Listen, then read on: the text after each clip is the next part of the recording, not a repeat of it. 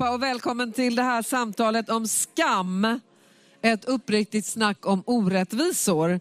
Vi som arrangerar det är tidningen Omvärlden. Jag heter Ylva Bergman, är chefredaktör och Föreningen för utvecklingsfrågor som gör det här tillsammans. Eh, och, eh, innan vi börjar så ska vi sätta scenen lite så att ni kan få skämmas lite ordentligt.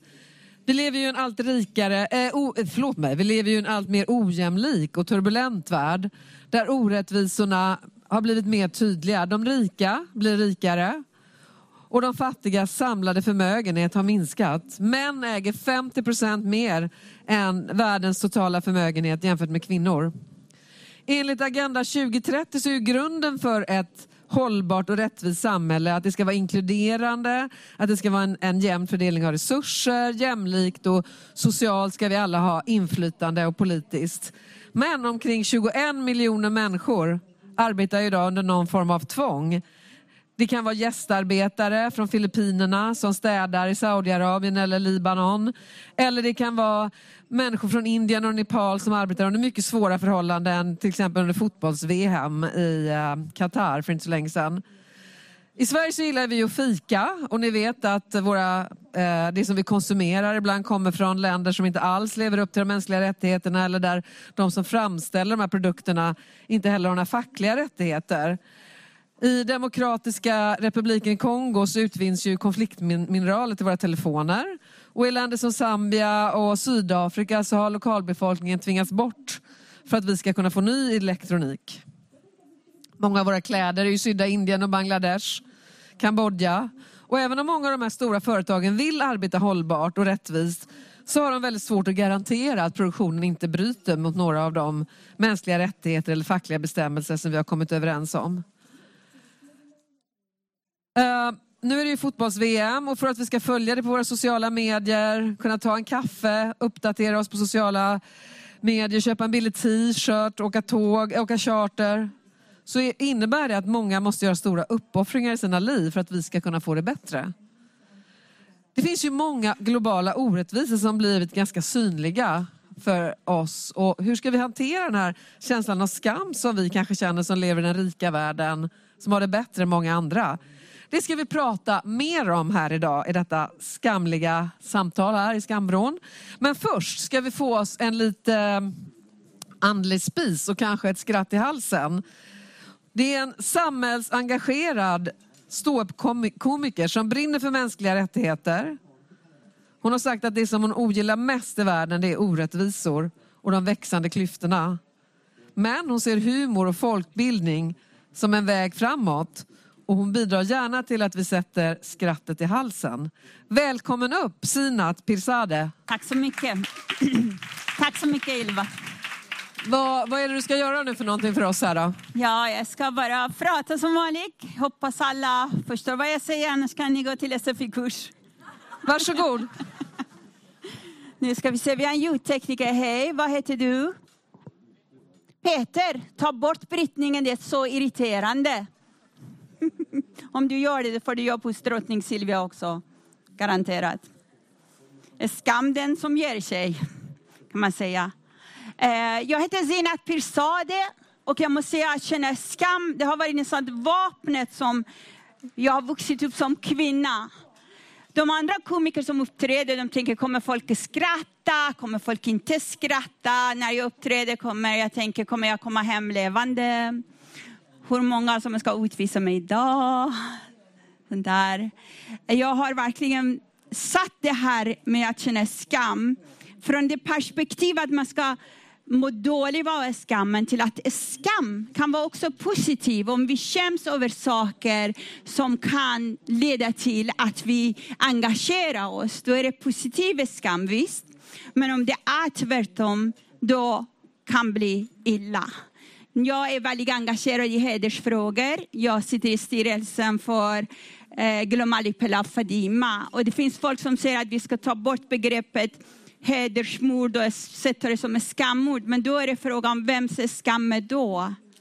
Är det inte, det är heller, inte heller korrekt liksom. Ska man känna, är det skammen att inte duga. Jag blir fortfarande påmind dagligen i min ålder, där jag är nästan semiantik, om jag vore en mobel då är det liksom, jag måste kunna säga att jag kan bestämma över mitt eget liv. Men nyligen jag var i förorten och ville ta bussen, jag kom efter, så sprang jag som 17. Så det hade inte ens gått två sekunder före min mamma ringer och säger, Ej, skäms på dig! Du sprang som en kar. Jag bara, mamma, jag hann med bussen. Min väninna ringde mig och sa, din dotter springer som en kar. Jag sa, jag hoppas jag får lika mycket betalt som gubbarna också. Det vore trevligt. Det här liksom att känna skam har varit något jag vuxit upp med. För att man fick inte ens visa håret i våra länder. För kvinnans hår vilar satans frestelse. Och om vi visar det för männen i våra länder så blir de upphetsade. Och det är vårt fel. Och då kommer de brinna i helvete. Och gud vad vi skämdes till vi började fatta att det här är faktiskt hemligt vapen. Låt gubbarna brinna.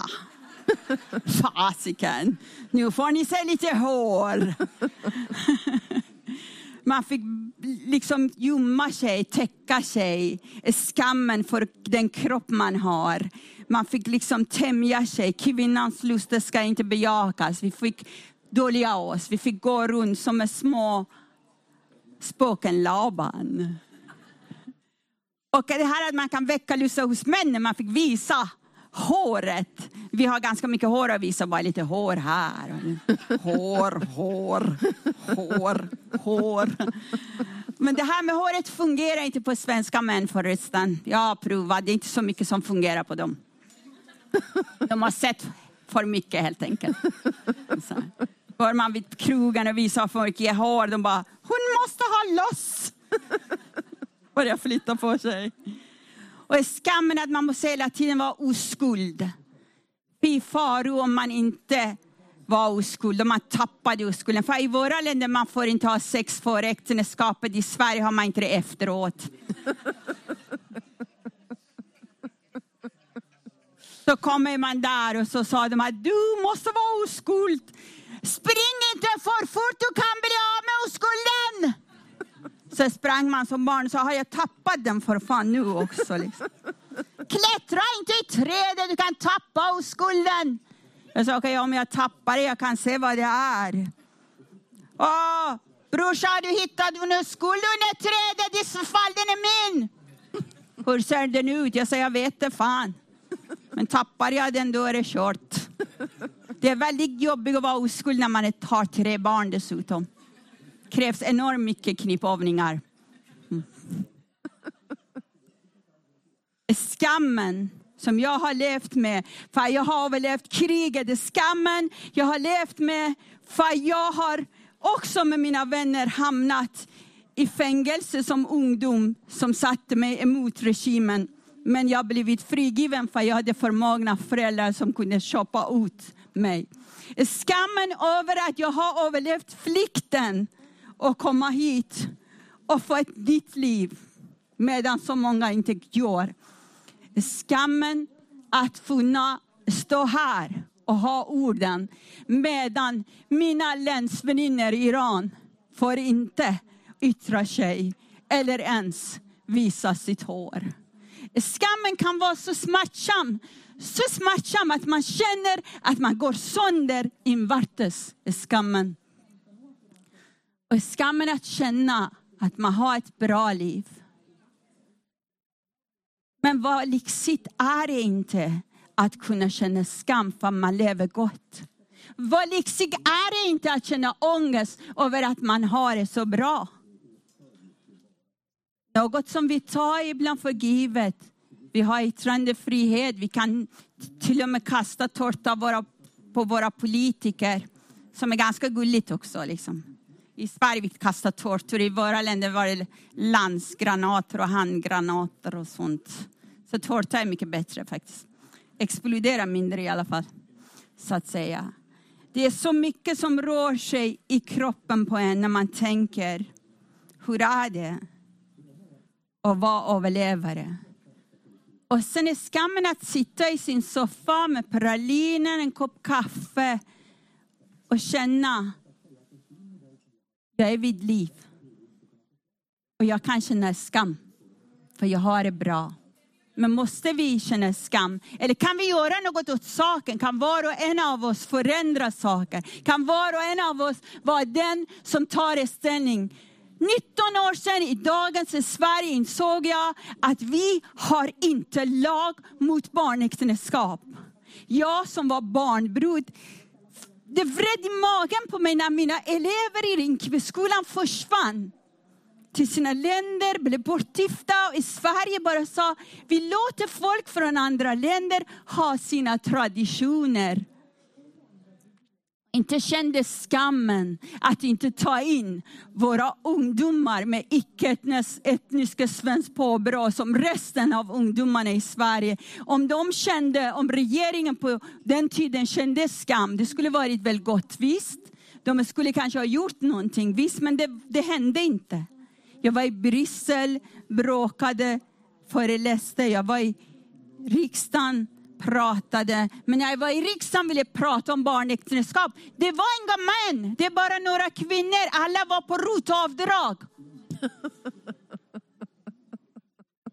Jag blev så arg. Och jag vet att i Sverige vi avrättar inte folk än. Så jag sprang där alla rotgubbarna satt. Och jag sa, Ge mig lag mot barnäktenskap. Annars kommer jag vara som Svinto, era kalsinger under era pungar resten av livet. Och jag menade det, banne mig. Vi fick lag mot barnäktenskap, men jag tror inte det var hoten. men jag tycker det var bra att man blev inte fängslad för det i alla fall. Jag är så tacksam för det. Och skammen att vi har i dagens Sverige, tack vare demokratins baksida, partier som är emot mänskliga rättigheter. Och vi accepterar och de växer och växer och växer. Varje gång Jimmy Åkesson han är på TV, min mamma blir så glad. Min mamma säger, min dotter, min dotter kom! Den där iranska tandläkaren, han är på TV. Jag bara, mamma han är inte iransk tandläkare. Nej, han ser ut som din kusin Mustafa. Han som försvann i kriget. Kan det vara han? Det skulle vara spännande om det var han. Mamma, han är inte iranier, men han ser ut som oss. Konstigt nu. Men han tydligen har ingen spegel hemma. Eller kika hem alla. Mamma, han är inte, han är inte iranier, han gillar inte ens iranier. Ja, min dotter, då är han hundra procent iranier. Har du sett en iranier som tycker om en annan iranier? Jag bara, ja, ligger något i det. Iranier är ett fantastiskt, fantastiskt gott folk. Jag har varit på Sverigedemokraternas webbsida och såg att det står Jimmy Åkesson, han är särbo med två katter. Fasiken, jag satt halvtimme och kliade huvudet och sa, var fan bor katterna? Jag är inte direkt känd för att vara jättesmart. Min mormor sa alltid, mitt barnbarn, du är dum i huvudet. Men det är inte ditt fel, du har så mycket hår, det tar all kraft från hjärnan. Håret växer, hjärnan krymper. Jag trodde på henne och var ganska lycklig tills jag kom till Sverige och träffade skinheads. De har varken hår eller hjärna tänkte jag. Och jag var på Jimmy Åkessons sida och så insåg jag att Jimmy Åkesson har katter. Men mina damer och herrar, jag vet att han har inte persiska katter. Han har svenska bondkatter som sover i folkdräkt med knätofs och spinner när de lyssnar på Wagner. En skam om vi blundar för det som sker i vårt land. Skam om vi glömmer att Hitler var folkvald. Skam om vi är tysta när folk blir utvisade till döden, till förintelse i dagens 2019 i länder där man inte låter homosexuella hbtq-individer leva. Skam om vi är tysta. Tack för mig mina damer och herrar. Woo! Tack så mycket. Tack så mycket. Tack så mycket Sinat. Du ska stanna kvar här och prata med oss. Tack. Uh, och vi ska prata med, nu, nu får du vara en liten Sinat. Kan du testa att sätta det här först? För den här är lite... Här, vi ska se vad som händer här. Vi kommer liksom slutta neråt lite, men det kanske går bra. Jag har krig, jag tror jag överlever soffan. Okej, du får sitta där eh, och så ska vi prata lite grann om det du sa. Vi ska bjuda upp de andra gästerna nu. Och eh, Vi ska ju prata vidare om skammen här och då vill jag välkomna upp Johan Te nu har jag övat på detta, nu ska jag säga det igen. Johan Te Temeskian, välkommen upp som är generalsekreterare för Fairtrade. Välkommen upp. Gick det bra? Sa jag rätt? Hewan. Hewan. Hewan. Okej, jag ber om ursäkt. Jag är dålig på det här. himmelen. Ja, precis. Du får berätta för alla hur jag ska uttala ditt namn här nu då. Hej, jag heter Hewan Temesken. Hewan Temeskian. Jag tycker det är svårt. Och det betyder Eva. Hoppas ni ursäktar mig. Eh, och sen så vill vi bjuda upp eh, Ahmed Abidrahman, välkommen, som startade Järvaveckan. Eh, vågar du sätta dig på mitten där kanske? Ja, ja, precis. Det kan jag. Hur, hur klarade jag av eh, ditt namn då? Ska jag skämmas? Nej, Nej det går bra. Det är inga problem. Men det ingår i temat. Så det Ja, Exakt. det ingår i temat så jag får ju vara den här eh, vita svenska Nej, det var skamfläcken. jättefint. Det gick bra. Det gick bra. Men om vi pratar lite grann om det som eh, Sinat talade om. Vad, vad, vad, spontant, vad, var det något som ni kom att tänka på på hennes eh, framförande här? Eh, nej, men jag tänker att Sina gjorde en fantastisk framställning av olika dimensioner av Tack så skam. mycket. Eh, och jag tänkte, vad ska jag säga nu? Hon har täckt allt. Nej. Nej, men jag tycker det var väldigt heltäckande utifrån att det gav perspektiv utifrån som kvinna, eh, som kvinna med en annan etnisk bakgrund än svensk i ett svensk kontext. Eh, utifrån ett internationellt perspektiv, utifrån hur vi som eh, land även hanterar vissa frågor som vi kanske har svårt att ta ställning till av olika anledningar. Eh, jag såg att det var, liksom, det var väldigt fulländat eh, i ditt framförande. Så det, det, det var min spontana reaktion och eh, jag tycker det var underhållande samtidigt som skarpt. Så tack Sina för Vad, vad, säger du Ahmed? Vad, var det någonting du kom att tänka på? Ja, alltså det var ju helt eh, fantastiskt måste Tack jag verkligen säga det. Det, det, det här vi är. samtalet. Man måste göra det på ett lättsamt sätt samtidigt som det är väldigt, väldigt allvarliga frågor. Eh, och eh, vi måste ha också humör med det här för att det går inte annars eh, att ta sig igenom de här frågorna. Eh, men samtidigt så känner man igen de frågor som du talade om. Eh, precis som dig och kanske också dig så, och nu är det min fördom nu, jag ska känna skam för det. Eh, jag har också kommit från ett krigland eh, och det här att man känner liksom det här skulden över eh, hur bra man har det. Eh, det tyckte jag var väldigt intressant. Och sen samtidigt också eh, har jag, alltså min största förebild är min mamma och hon har också kämpat igenom eh, för att få sina rättigheter, för att bli bemött i Sverige, inte bara i gamla hemlandet, med respekt och dignitet. Eh, Så när man hör de kvinnor som sitter fast i, eh, i regimens eh, grepp, eh, då känner man verkligen en skam över det. Och det inte bara händer i det man kallar, för det är så lätt för oss att peka handen mot det är deras fel, titta på dem Ja. där ute. Eh, Men i våra svenska eh, städer och förorter och eh, i Sverige så har vi också eh, de frågorna som vi måste ta tag i med. Och det är Men- inte men- bara invandrarna. Det är också något som är intressant för det är också kvinnor och män är inte jämställda även fortfarande i Sverige, alltså utifrån lön och mycket annat. Så att man skyller ifrån sig, det här skrämmer mig och, och det känner jag skam för att det fortsätter vara så. Men, men är det något som du tänker på ofta det här att du, du liksom har klarat dig undan, du och din mamma, att ni kände lite, för det var ju något som Sina tog upp Ja. i sin, är det något som man tänker på då? Om man liksom så här, Ja, det är klart man gör. Det är ingen självklarhet. Då, då sitter jag och tänker att det är ett mirakel att typ, man lever. Du vet, den svåraste tiden för mig har faktiskt varit i Sverige, konstigt nog. När vi var utvisningshotade, jag och mitt barn. Det var fruktansvärt. Att vara kvinna i 20-årsåldern med ett barn. Hemskt. vad, Tre- var det som var svårt år. då, då menar du? Jag var ju utvisningshotad så jag hade ingenstans Ja. bo. Mm. Fick leva under jorden. Ja, Så man var e- extremt utsatt. Ja. Vad, vad säger du då, Johan? Så jag rätt nu? Hewan. Hewan. Jag det. Jag ber om ursäkt. Jag vet inte varför det är så svårt för mig det här namnet. Det är ett väldigt vackert namn. Ja, men tack. Ja, men som jag jag tidigare, det. betyder Eva, så det är lätt att... Ja. namnsdag på julafton. Ja.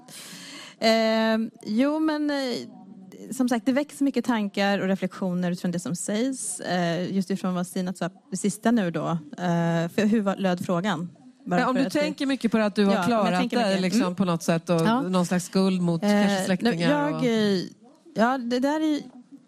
en intressant frågeställning. Jag tror att vi generellt i vårt samhälle idag inte tar oss tid och reflekterar så jättemycket över varför vi gör det vi gör alla gånger. Eh, när jag skulle fylla tio år och ha kalas så frågade min pappa mig, ja, men vad vill du göra? Vad vill du liksom vad ska dina... Jag skulle bjuda hela klassen. Eh, och då var det så här, vad, vad vill du bjuda dem på? Så jag bara, men ingen godispåse, inget sånt. Nej, jag vill... Jag bara, jag vet vad jag vill pappa. Ja, vadå? Jag vill att alla som går härifrån ska få den här lilla skivan, singelskivan, som var Do They Know It's Christmas. Okay. Som du kanske kommer ihåg. Det var ju, uh, vad heter de nu? Bo, det var Bono tillsammans med det var den här Live Aid-grejen. Precis, och då handlade det om att samla in pengar eller? precis mm. till svältkatastrofen i Afrikas horn, Etiopien. För då tänkte jag, för då får ju de någonting med sig hem och så går pengarna till gott ändamål. För mig var det liksom att redan där ja. och tidigare. Och fyra år senare så åkte jag till krigsfronten mellan Eritrea och Etiopien och såg hur kvinnor krigade sida vid sida som män. Och då var det första gången jag fick se... Och då var du 14 år ja, alltså? precis. Och då fick jag se man fick se skelett, man såg inte någon död människa. Man fick se skelett, man fick se... Och då när jag kom hem, jag gick i sjuan, då kom jag ihåg att jag ändå på något sätt förändrades. Eh, I dimensionen att jag alltid vetat vad jag ville göra. Men där blev det väldigt tydligt för mig att jag tror att jag mognade på något sätt. Du kände dig privilegierad? Då, ja, jag visste att jag var privilegierad. Men mitt fokus har ju alltid därför legat på. Jag känt mig privilegierad, jag känt mig tacksam, ödmjuk.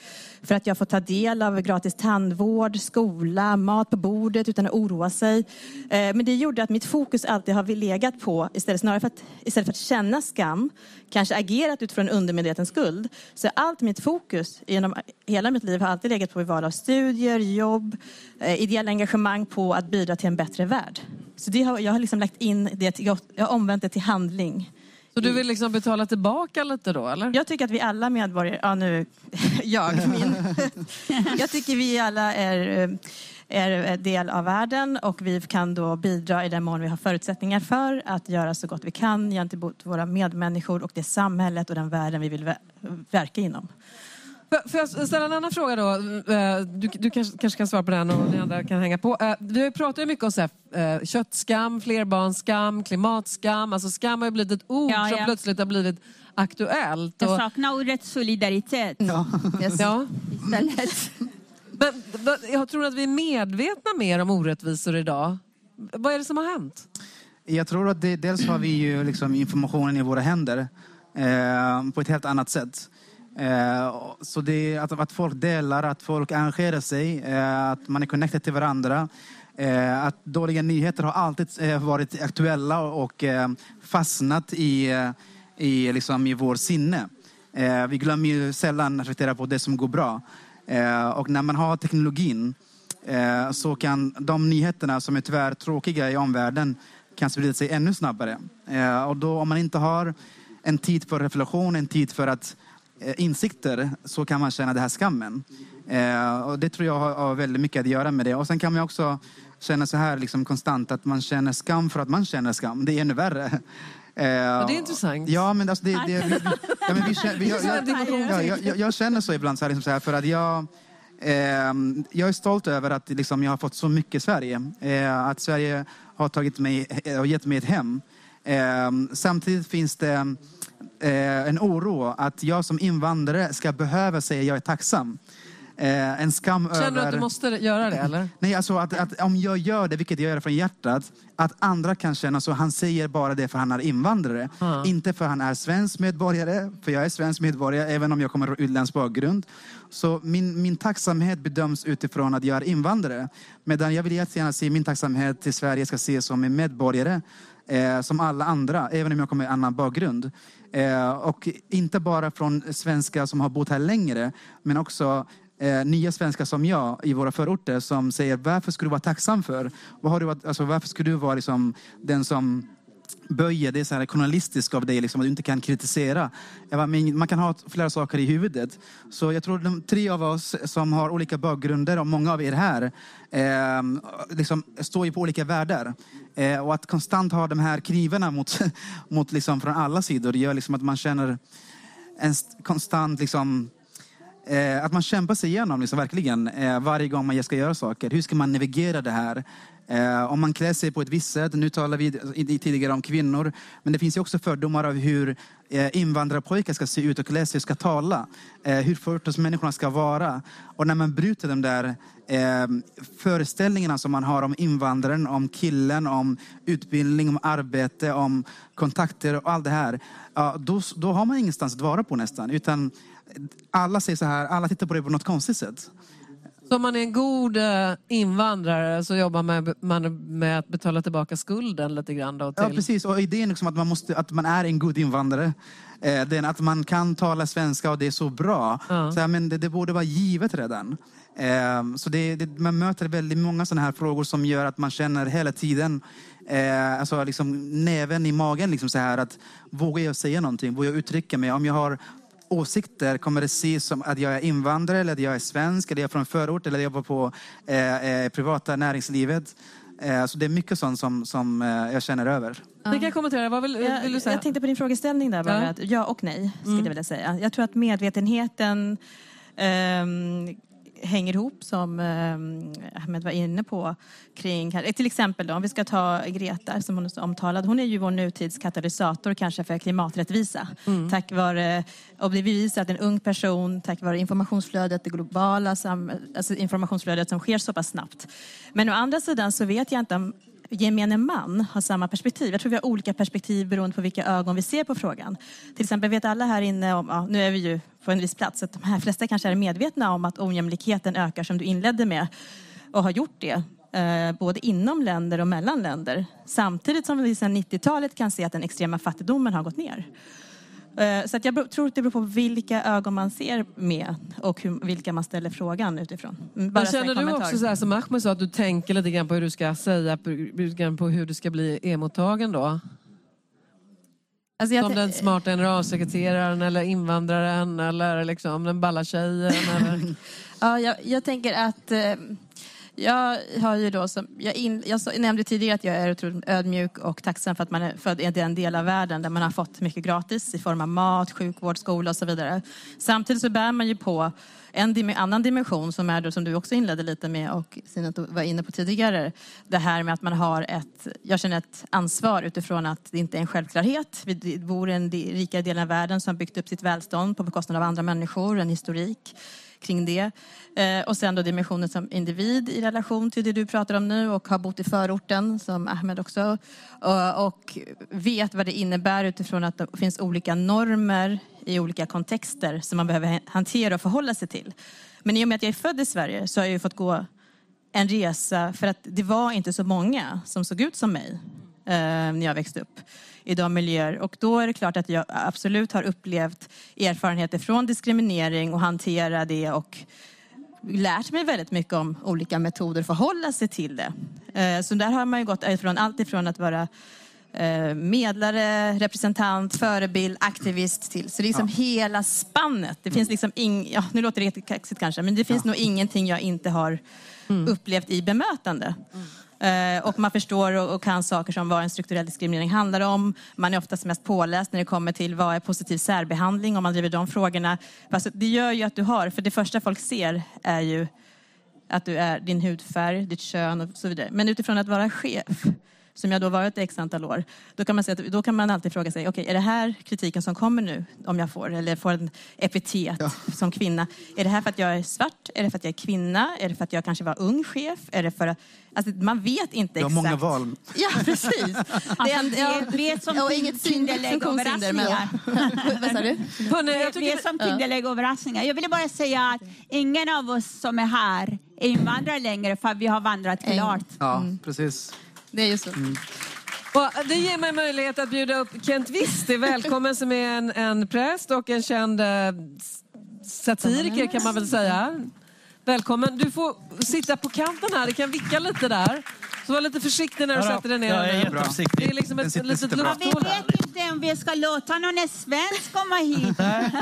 Jag, sa det, jag, förlåt, jag måste bara säga det. Jag tycker det här, det här är troligen den panel som jag kommer ingå i som har den största mångfalden från etnisk utomeuropeisk bakgrund. Apropå erfarenheter. Men jag tänkte vi skulle prata lite grann om den vita skulden eftersom jag och Kent är vita då och du representerar ju kanske något som jobbade med skam förut, kyrkan lite grann. Vad tycker ni? Finns, det finns så här white guilt. Finns det också någon så här nordisk skuld eh, som vi borde ta åt oss? Eller har vi varit lite... Tyck, det är inte vårt fel. Vi var ju inte kolonisatörer. Jag hoppas den kommer upp när man vill utvisa sjuka och gamla och folk som behöver vara kvar här. Den är skammen och gör att man agerar. Alla skam är inte dåliga. Det finns också positiv skam. Men du tycker vi har lite skuld då i Norden som vi borde Nej, jobba med absolut lite? Eller? Inte. Jag, tycker, det- jag, jag tänker inte på oss människor som nordiska eller iranier eller kurder. Jag, jag ser oss alla som bara människor. Jag vet inte, jag kanske är galen, men jag tycker, jag tycker att vi alla som har det bra, även vi som var nyanlända, ni svenskar, alla vi har ett ansvar för dem som har mindre bra, oavsett härkomst. Liksom. Ahmed, vad tycker du? Ja, alltså det, det finns eh, absolut. Man talar ju om väldigt mycket om White Man's Guild liksom. Och, och det har ju, det har ju liksom översatts in också i, i, i Sverige. Att, ehm, eh, jag brukar tycka det var intressant när man gör de här undersökningarna som, som Zoom-institutet brukar göra. Där man ehm, oftast i Sverige får väldigt höga resultat. Alltså så här liksom genomlysande. Vi är för öppenhet, vi är för mångfald. Eh, but not in my backyard. Eh, så välkommen till Sverige men inte välkommen hem. Eh, och där liksom kan kännas liksom att ibland att man kan översätta det som att man känner en skuld över att man vill liksom, man känner sig att man har så bra att man vill bidra. Men, men den, den skulden eh, översätts till hela vägen till handlingen. Eh, Inte men på bekostnad av... Nej, precis. Eh, men samtidigt så ska vi också vara medvetna om och vara rädda om eh, att skuldbelägga grupper. Eh, För då är vi på farlig vatten. Ja, Eh, för min oro är så här, liksom, det är det vi ser just nu, klimatet som nu svänger åt, åt andra hållet Eh, med växande polariseringen och extremismen har att göra med att som vit person kanske man känner att man inte kan uttrycka sig. Man har förlorat den gamla världen, den gamla goda världen där man kunde säga en ordet och man kunde säga allt det här. Alltså man ser så här liksom allt, eh, att man är, man är, man, det är så mycket att skämmas för. Eh, att man vill känna sig friheten av att kunna bara andas ut. Så när man lägger alla de här skam och rädsla och oro och, Eh, och inte den här öppenheten av samtal och förlåtande och lärande och mötena, då får vi liksom den där situationen där hatet växer och eh, det blir en revolt. Eh, Bänden svänger alldeles för snabbt på andra sidan och de som drabbas av det är naturligtvis vi minoriteter. Så jag skulle verkligen säga att vi, vi ska inte eh, hänga på de här trenderna som skapas av faktiskt den vita gruppen själv. Eh, som recenserar sig själv och sen får vi det där liksom ordet i oss och då använder man oss som slagträd. Kent, du har lyssnat Ja. lite grann här. Ja. Välkommen in i samtalet. Vad, vad tänker du? Hur, hur resonerar vi? Och har vi en nordisk skuld eller en vit Eh, skam? ja, det- ja. Jo, men, men, men det tror jag. Men för det första så så får jag ställa mig väldigt, väldigt ödmjuk till de eh, erfarenheter som jag hör finns här som jag inte själv har. Alltså jag, jag är född privilegierad och kommer förmodligen att dö privilegierad också. Jag liksom uppfyller alla privilegierade normer vi har i Sverige. Eh, Men i den tradition jag står i, själavårdstradition, så, så skiljer vi ganska tydligt på skuld och på skam. Eh, Och skuld handlar då mycket om det man gör. Eh, alltså ens handlingar och en skuld kan man alltid på något sätt reglera. Alltså det går att betala tillbaka om jag är skyldig någon pengar eller jag kan få förlåtelse eller någon slags gottgörelse och så. Skammen handlar om vem du är. Och skammen går aldrig att reglera på det sättet utan den föder bara ett utanförskap. Och, och- och mycket av det ni har beskrivit här ligger i spänningsfältet mellan skam och skuld. Det här mellanförskapet som du beskriver handlar ju om skam. Eh, Och den kan du aldrig bli förlåten bort ifrån. Eh, Och jag tror att det vi ser idag med det informationsflödet och eh, när, när vi blir mer medvetna om hur väst eller nord har, har, har liksom maktförhållanden gentemot syd tidigare så, så, så är det nog inte så mycket skam, tack och lov, utan det är nog ett nyvaknat skuldmedvetande. Vil, vilket också möjliggör ett ansvar och någon slags gottgörelse. Eh, och just den här överlevande skulden som beskrivs här är ju en märklig skuld och den har jag känt till på nära min morfar i andra världskriget, fyra år i fronten eh, och led av en väldigt svår överlevande skuld. Eh, men det som fascinerade mig som jag har sett, kommit på under senare tid var att han, han ville inte gottgöra detta på något sätt genom att klä sig i säck och aska. Utan han kom på att gottgörelse för mig är att leva ett gott liv. Alltså det goda livet som gottgörelse någon slags. Eh, för nu var han den som var kvar och desto godare liv han levde och skapade för dem runt omkring honom desto mer förtjänade han att vara den överlevande. Jag tyckte det var rätt fint. Jättefint. Du ville komma in här också och kommentera. Eh, nej men jag tänkte mer utifrån det här kollektiva som du var inne på och i relation till nord och syd som du benämnde. Eh, och där, om man tittar på utifrån att jag arbetar ju på Fairtrade eh, och då om man tittar på världshandeln så bygger ju den, upplever jag, på ett kolonialt arv som vi har än idag. Om vi tittar på hur det ser ut, senast nu 2010 var det FNs special, specialrapportör inom eh, slavhandel som kommenterade att i, i Ecuador inom bananindustrin så är, pågår, finns det modern slaveri idag. Eh, och då kan man se så här, men hur hur mycket kan man som individ göra och hur mycket kan man göra utifrån ett mer heltäckande samhällsperspektiv, ett globalt perspektiv och så. Så jag tror det också är viktigt i relation till då det här skuld och handling. Då tänkte jag när du pratade på skuldavskrivningarna till exempel. Eh, och så så det finns ju många dimensioner utifrån också hur man kan välja att agera. Men jag tror att det är viktigt att i det här om man, alltså om man ska bär ett ansvar så är det viktigt att se så här, vem ska man utkräva på ansvaret eh, så att det också blir hanterbart. För jag tror att vi, även om vi som medborgare, medmänniskor, individer gör så gott vi kan så räcker ju inte det utan då behöver vi jobba på flera nivåer. Så som vi på Fairtrade jobbar ju mot, gentemot så här, stötta individer, med, alltså människor, odlare och anställda i länder med utbredd fattigdom för att de med egen makt, inte top-down, utan egen makt ska ges förutsättningar till att förändra och påverka sin tillvaro. Vi jobbar gentemot politiker och regeringar. Vi jobbar med företagen och så, och så vidare. Så att jag tror att det är liksom, och särskilt till exempel Idag så har vi offentlig sektor. Vi har alltså över 700 miljarder kronor som vi, tillsammans skattepengar och annat, som läggs på offentlig upphandling. Och det är inte självklart att de upphandlingarna baseras utifrån mänskliga rättigheter. Så frågan är om vi skäms mer idag. Vi tänkte be er också skriva in här på den här adressen. Vad skäms ni för? Några orättvisor särskilda som ni går och grubblar på när ni vaknar upp på morgonen? Eller är det så att vi skäms mer idag? Och kan skam leda till en positiv förändring? Ni, ni, har ju varit inne lite grann på det här med individen, att det känns lite jobbigt att skämmas. Skuld är ändå något, kanske lite mer aktivt, man kan ja, jobba med det. Mm. Uh, jag tänker också på när, uh, förr så var det mer folk var arga. Man var arg på USA, man var arg på Sovjet, man var arg. Nu så går man runt och skäms lite. Uh, vad är det som har hänt? Sinat, vad, vad tänker du? Det är väldigt bra att eh, vi alla människor är otroligt mycket mer engagerade, medvetna och samhällsflödet av information är tillgängligt för alla på gott och ont. Samtidigt källkritiken har reducerats så mycket. Samtidigt måste vi väga alla våra ord och man kan inte yttra sig inte ens. Alltså, nu, har jag, nu var jag som politiker, jag håller på att svara på någon annan fråga.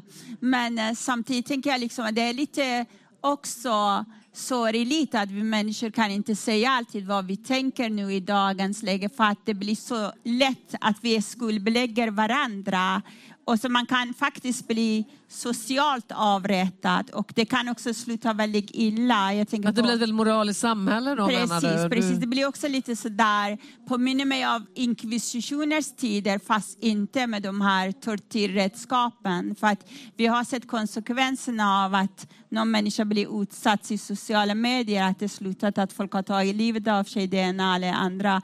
För hur länge, hur kanaliserar vi det här skuldbeläggning eller skammen vi känner och vem ska bära det skam vi bär?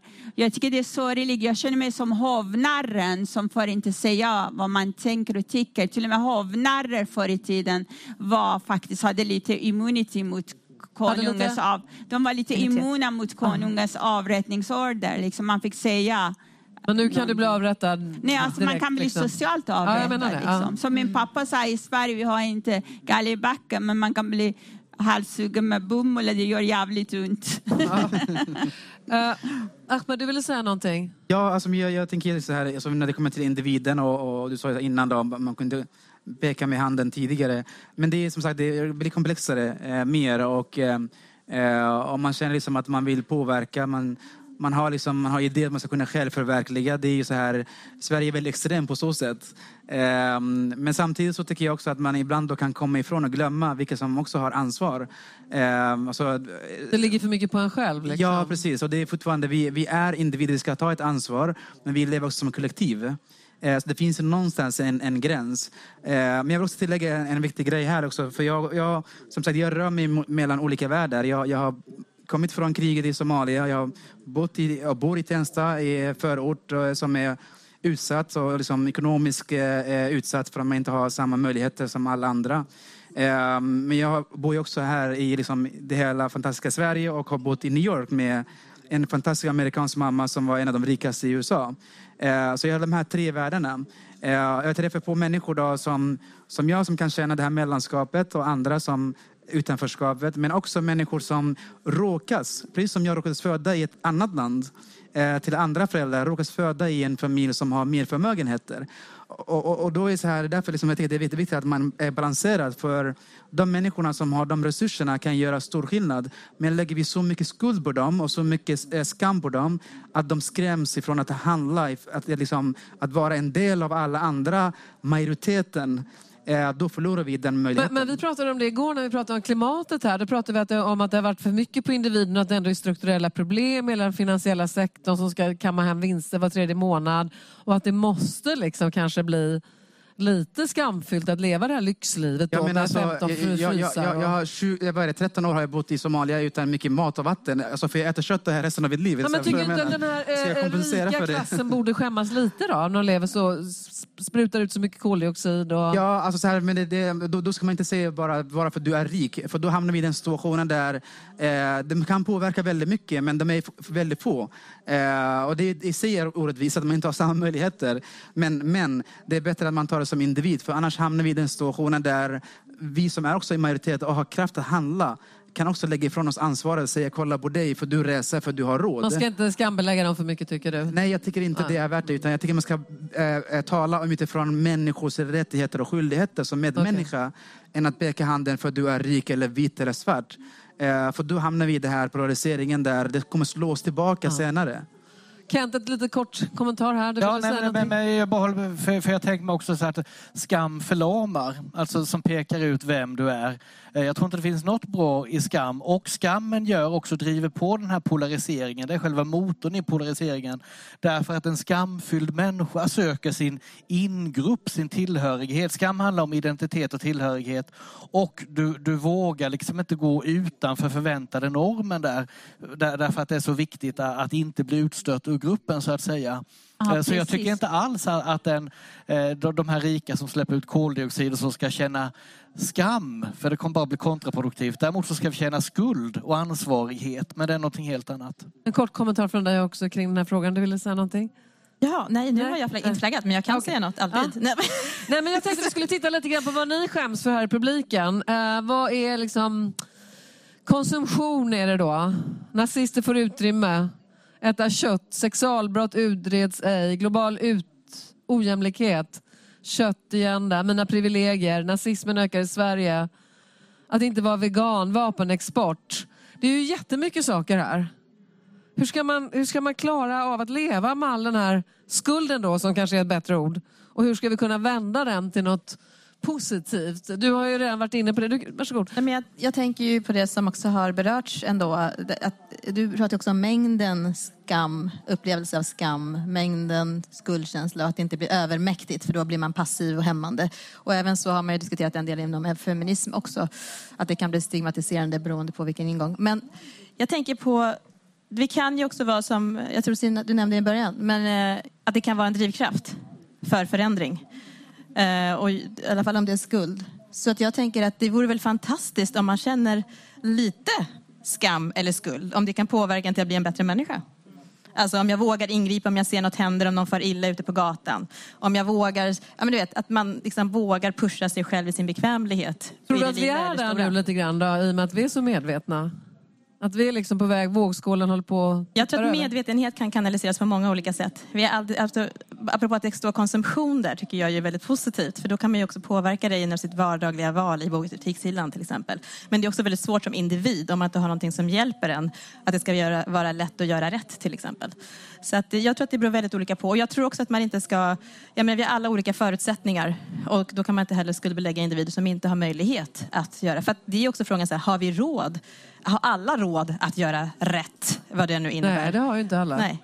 Och då tänker jag, precis, och då, då faller det sig där också. Kent, vad tänker du? Hur kan vi vända det här positivt på något Nej, sätt? men jag, jag tror att det vi måste göra är någonstans, det, det bör skilja på skam och skuld. Men sen också inse att vi alla är otillräckliga. Det finns hela tiden ett spänningsfält mellan eh, eh, vilka förväntningar jag har på mig själv eh, och vem jag egentligen är. Och för att lösa det så kan man ju då sänka förväntningarna eller liksom höja sig vem man är då. Va? Men vi kommer aldrig att bli annat än otillräckliga som människor fulla med, eh, med brister och faktiskt alltid bärande på en skuld i och med att vi också ingår i den här strukturella skulden. Alltså vi kan inte ens vakna en minut på morgonen utan att vara en del av det här, eh, den här förtryckande världsordningen orättfärdiga världsordningen. Men då tänker jag sådär, om vi, till, om, om vi liksom kan se på varandra att vi är otillräckliga, vi är skyldiga men vi kan samtidigt vara älskade. Vi kan titta på varandra med varma blickar.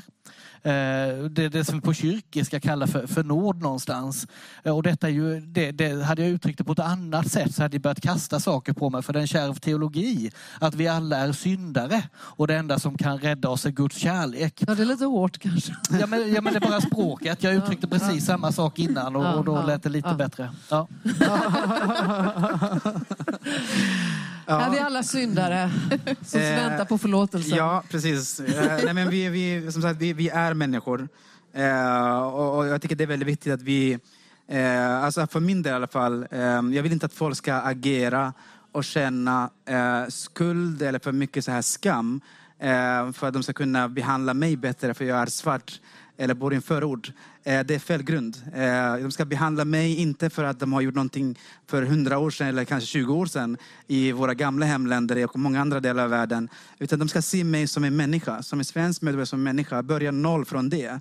Eh, vad dina förfäder har gjort, strunt i det. Nu är vi över det där. Men se mig som medmänniska och behandla mig som människa. Nu har du chansen. Det tycker jag är väldigt viktigt. För annars hamnar vi i en situation där vi ska gott göra vad andra har gjort för man känner det här white guilt eller nordisk som du vill kalla det för eller att man är liksom kristen eller man är muslim för eh, självmordsbombare och allt det här som också pågår liksom så här. Då hamnar vi inte i utveckling. Då hamnar vi liksom så här eh, begränsande och inte tar ansvar. Så möt varandra med, med medmänsklighet och respekt utifrån idag och inte för vad som hände igår. Och sen meditera eh, och gör action. Eh, det går att använda det här till någonting positivt. Eh, Men vi måste vara noga med att vi inte skapar den här polariseringen. Eh, För det ser jag mer och mer av att, och det är skrämmande, verkligen. Jag, jag mötte precis när jag var på väg hit nazister. Jag hann inte bråka med dem tyvärr. Så jag hann bara skrika så andra världskriget ringde och ville ha er tillbaka. Det var det enda jag hann skrika, så sprang jag hit. Men jag ville bara säga, det behövs inte så mycket för att vi ska känna samhörighet gentemot varandra. Vi behöver bara se varandra, vara närvarande, härvarande i det mötet. Man behöver inte vara experter på varandras länder, varandras kultur. Jag representerar inte alla iranier. Jag lovar, det finns dagar så jag vet inte om jag representerar mig själv. Vi är alla människor, vi är inte mer än så. Alltså, och sen jag tycker om skam och skulden kan vara på något positivt sätt bidra på att vi plötsligt vaknar upp och har civilkurage. Och det bidrar till förändring. Så låt det vara en del av vår vardag. Men det får inte bli något som äter upp oss. Vi måste få lov också vara glada och lyckliga. I Sverige vi har så mycket att vara tacksamma över. Mina barn ibland hatar mig för att jag, de kallar mig för toalettpolisen och duschpolisen. För jag älskar rinnande vatten och när den rinner för mycket jag blir galen. För jag har levt i krig, jag har vuxit upp i krig. Och det har inte varit någon självklarhet med rinnande vatten. Jag, vatten. jag brukar ta time när de är i duschen. De skriker men mamma, jag är fortfarande smutsig. Så vi måste också kunna njuta av det fina, vackra som vi har här utan att må dåligt över det. Och bevara det dessutom och förbättra det. Nu så bevara Sveriges. Tänk om jag skulle se det där. Ja, men ord. ingår där Det ju. det, ingår i paketet. Ett sista ord, och vi har ju vänt det här till något ganska positivt då. Vi pratar om skammen och lite passiva och trycker ner oss och känner skuld men att vi ändå kan agera och meditera sa du också. Varför ska vi meditera? Ja, men vi, måste, vi måste reflektera för att alltså, det, det är så mycket som tävlar i vår hjärna, så mycket alltså, saker som konstant händer. Eh, och eh, vi, vi är inte medvetna om liksom, eh, hur, hur lång historia vi har som, som, som är art i sig själv, vilken planet vi är en del av. Därför jag älskar naturvetenskap, för jag kollar alltid på naturfilmer. Eh, jag kan verkligen rekommendera vad heter det, eh, Earth from Space. Det finns en program som heter så BBC. Eh, bra. och det är väldigt vackert liksom så här, när man förstår att man är en del av en planet. Eh, människan har funnits i många, många, många eh, hundratals år som modern människa, miljons år tidigare. Eh, så det är väldigt viktigt för oss. Vi, vi, vi mediterar på att vi är här eh, och att vår liv, även om det känns 80-90 år känns väldigt långt i Sverige, eh, så är den kort. Eh, vi ska vara tacksamma för det, vi ska agera, vi ska meditera på det och vi ska vara i nutiden. Så vi ska inte känna skam längre? Nej, men jag tänker att med tanke på vad du sa Christer, att vi alltid är otillräckliga. Uff, det var lite tungt att höra, men det var ju sunt. Eh, Så då tänker jag, vi må vara otillräckliga som individer, men tillsammans så tror jag att vi är o... eh, Vad säger man? Eh, Vad säger, nej, men nu tappade jag ordet. Övervinning. vad sa ni? Oövervinneliga. Exakt, tack. tack. tack. Ni är med. Ska vi ge prästen sista ordet då? Va? Vill du säga sista ordet innan vi slutar? Jag tyckte det var så bra ord det där med att liksom, Okej, vi är alla, då får du säga det ändå, vi är alla... Vi, vi, vi, Oövervinnliga. ja, precis. Som individer kanske vi är otillräckliga, men tillsammans så är vi alla Oövervinnliga. Oövervinnliga. Tack så mycket allihopa för att ni kom hit. Glöm inte bort det här.